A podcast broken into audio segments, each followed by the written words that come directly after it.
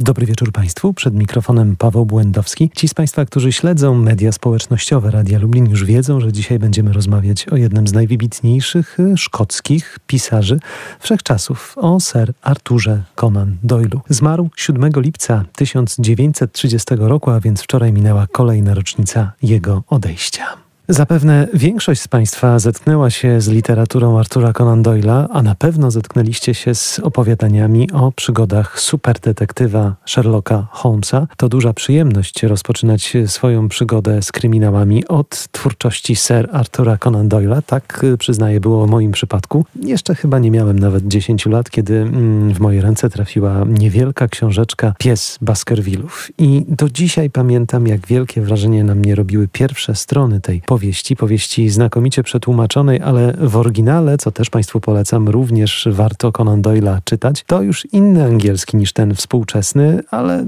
można sobie z tym bez problemu poradzić. Nie będę cytował tej książki, bo tego mi nie wolno, ale z pamięci przekażę Państwu, jak brzmiały rozmowy, które pojawiają się pomiędzy Sherlockiem Holmesem, jego przyjacielem, doktorem Watsonem oraz hrabią Baskervillem, który przybywa do nich, by wyjaśnić rodzinną tajemnicę, ale konkretnie śmierć swojego wuja. I wówczas przytacza on najpierw legendę rodziny Baskervillów Holmesowi i Watsonowi. W tej legendzie pojawia się postać strasznego psa, po czym wraca do wydarzeń już jemu współczesnych i śmierci na zawał swojego wuja. Jak się okazuje, przy zwłokach Baskervilla odnaleziono ślady i wówczas Sherlock Holmes zadaje swojemu gościowi pytanie, czy to były ślady stóp męskich czy stóp damskich i na to gość odpowiada, ależ panie Holmes, to były ślady olbrzymiego psa. I tak zaczyna się jedna z najsłynniejszych powieści stworzonych przez Sir Artura Conan Doyle'a, ale w jaki sposób zdobył zdobył on tak wielką popularność i jakie były koleje jego losów, to dzisiaj Państwu postaram się opowiedzieć.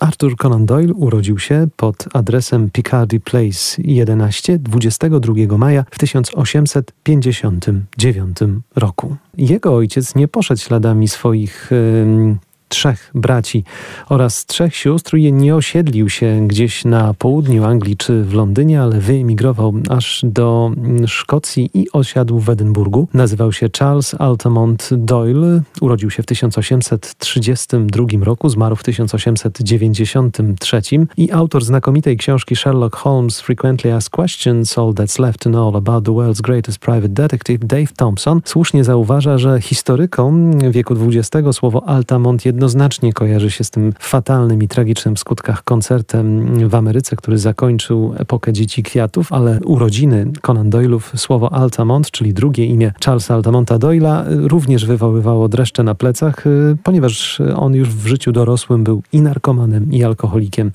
i bardzo, bardzo nieprzyjemnym człowiekiem, co sprawiło, że Arthur Conan Doyle dzięki mamie mm, został jak najszybciej wysłany z daleka od ojca. Trafił do szkoły z internatem. To była szkoła e, prowadzona przez e, zakonników, dla rodziny Conan Doyle'a ciągle zmagającej się z problemami finansowymi. Trudno się dziwić, skoro Ojciec głównie zajmował się piciem.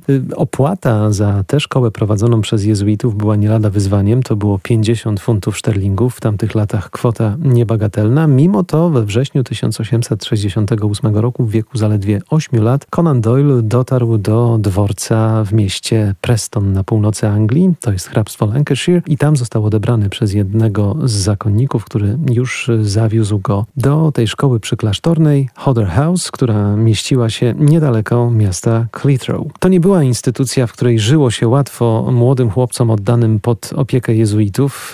Y, tam przede wszystkim dominowały kary cielesne tak nieprzyjemnie po latach wspominane mm, przez Conan Doyle'a, czasami nawet nawiązywał do tego w swojej twórczości.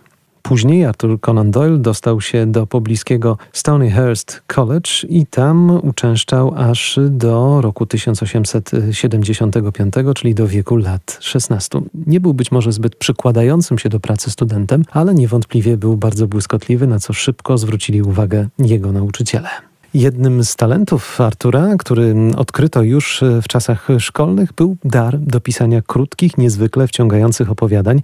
Te opowiadania, które czasami Artur czytał swoim szkolnym kolegom na przerwach, były tak wciągające, że wykorzystywał on to i czasami musiał być przekupywany przez swoich kolegów, by doczytał ten fragment, który wyjaśniał jakąś zagadkę zawartą w tym tekście. Historycy literatury w dwóch wydarzeniach z młodzieńczego życia Artura Conan Doyle'a dopatrują się znaczeń. Przede wszystkim to była szkolna wizyta w Londynie, kiedy odwiedził ulicę Baker Street. Tam już wówczas mieścił się gabinet figur woskowych Madame Tissot i historycy zakładają, że ta piękna, szeroka londyńska ulica zrobiła na Conan Doyle'u tak wielkie wrażenie, że właśnie wiele, wiele lat później tam z tego powodu umieścił mieszkanie Sherlocka Holmesa, detektywa, którego postać stworzył. A drugim wydarzeniem było zetknięcie się z literaturą. Jeśli chodzi ogólnie o czytanie, to Conan Doyle pochłaniał bardzo duże ilości książek, ale kiedy zetknął się z twórczością Edgara Allana Poe, wybitnego amerykańskiego pisarza grozy, to zrobiło na nim wielkie wrażenie i ten nastrój niepokoju będzie także powracał w jego dziełach.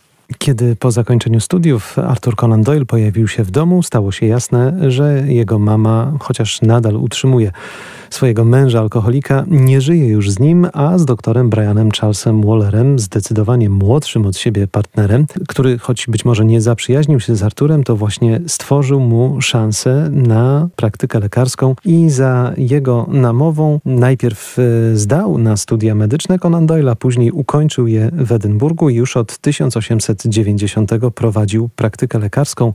Wcześniej próbował być takim lekarzem towarzyszącym, asystentem, ale zawsze zostawał z tej pracy usunięty, ponieważ był krnąbrnym i pewnym siebie człowiekiem, co może trochę dziwić, biorąc pod uwagę jego pierwsze lata spędzone w towarzystwie ojca alkoholika. Doyle miał tak naturalny talent do pisania opowiadań, że trudno się dziwić, że praktyka lekarska wydała mu się już po krótkim czasie dosyć nudnym zajęciem i stale pisywał, na razie do szuflady. Ale wszystko miało się zmienić, kiedy wreszcie udało mu się umieścić jeden, potem drugi, potem trzeci artykuł w prasie. Co ciekawe, to za każdym razem były inne tytuły, ale już za pierwszy opublikowany w prasie artykuł Conan Doyle zdobył większą garzę, więcej pieniędzy niż za cały miesiąc swojej pracy jako lekarz i to dało mu do myślenia. Zaczął coraz bardziej usilnie poszukiwać wydawcy dla swoich kolejnych opowiadań. Pierwsze opowiadanie, w którym pojawiają się Sherlock Holmes oraz dr Watson nosiło tytuł Studium w Szkarłacie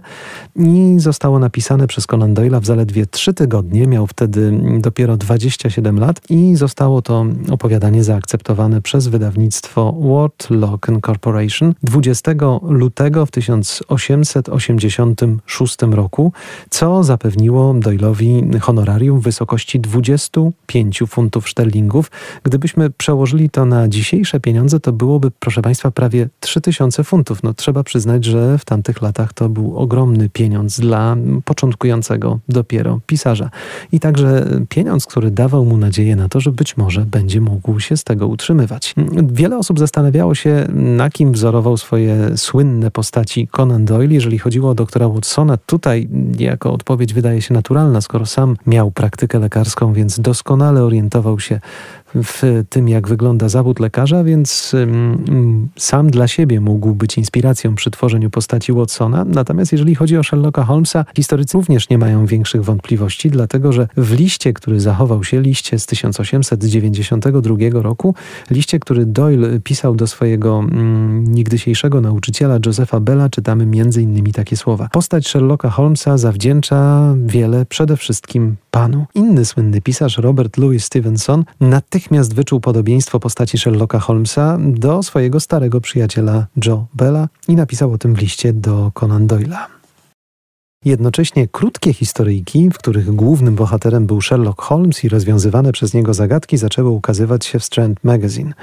Były niezwykle poczytne, wydawcy byli zachwyceni, także redaktor naczelny, który stale prosił Conan Doyle'a o kolejne odcinki. Już y, w listopadzie 1891 roku stało się to dla Conan Doyle'a ciężarem, to ciągłe pisanie, niemal na akord. Pisał w liście do swojej mamy wówczas Myślę o tym, żeby zabić Holmesa, żeby już zakończyć jego historię raz i dobrze. Chciałbym zająć się czymś innym, jakimiś lepszymi sprawami. Na to mama odpowiadała w liście krótko: Ale nie możesz, nie powinieneś, absolutnie nie możesz tego zrobić. Co ciekawe, kiedy wydawcy gazet bardzo mocno naciskali, Arthur Conan Doyle odmawiał i to nic nie działało, wówczas y, zaczął podbijać stawkę, licząc na to, że w końcu tę stawkę podniesie tak wysoko, że redaktor naczelny Strand Magazine stwierdzi: Nie no, panie Doyle, no tutaj to już pan przesadził. Trudno, nie weźmiemy kolejnego odcinka, nie będziemy go na panu wymuszać. Ale stało się zupełnie inaczej, bo im bardziej Conan Doyle podbijał stawkę, tym bardziej redaktor naczelny Strand Magazine był gotów y, tę stawkę zapłacić, dlatego że zyski ze sprzedaży kolejnych y, numerów czasopisma stale rosły. W sumie postać Sherlocka Holmesa umieścił Conan Doyle w aż 56 krótkich opowiadaniach, a do tego dochodziły powieści, w tym znakomita wspomniana przeze mnie powieść pod tytułem Pies Baskervillów. O tym, jak bardzo publiczność zakochała się w postaciach Sherlocka Holmesa i jego wiernego przyjaciela doktora Watsona, nie muszę Państwu mówić, ale to zauroczenie ową fikcją literacką było tak silne, że wiele osób spośród czytających czy Strand Magazine, czy poszczególne powieści Conan Doyle'a było przekonanych, że Sherlock Holmes istnieje naprawdę. I kiedy w jednym z opowiadań profesor Moriarty uśmierca Holmesa, wówczas Conan Doyle otrzymywał mnóstwo pogróżek, zaczął obawiać się o własne życie i nie miał wyjścia i musiał pisać kolejne historie. Gdybyśmy mieli stwierdzić, które z dzieł Artura Conan Doyle'a, ser, późniejszego ser Artura Conan Doyle'a, mm, są tymi najważniejszymi ze względów artystycznych, na pewno powinniśmy wymienić Psa Baskervillów, pierwszą powieść z Sherlockiem Holmesem, czyli Studium w Szkarłacie, ale także szeroko ekranizowaną po latach powieść Zaginiony Świat. Tam y, Conan Doyle wykreował postać niezwykle ekscentrycznego naukowca George'a Challengera. I kto wie, być może gdyby wcześniej nie wymyślił Sherlocka Holmesa, to dzisiaj pamiętalibyśmy Artura Conan Doyle'a głównie dzięki właśnie postaci George'a Challengera. Conan Doyle próbował także swoich sił w poezji, to nie do końca wyszło, ale również y, w opowieściach grozy i strachu. Tu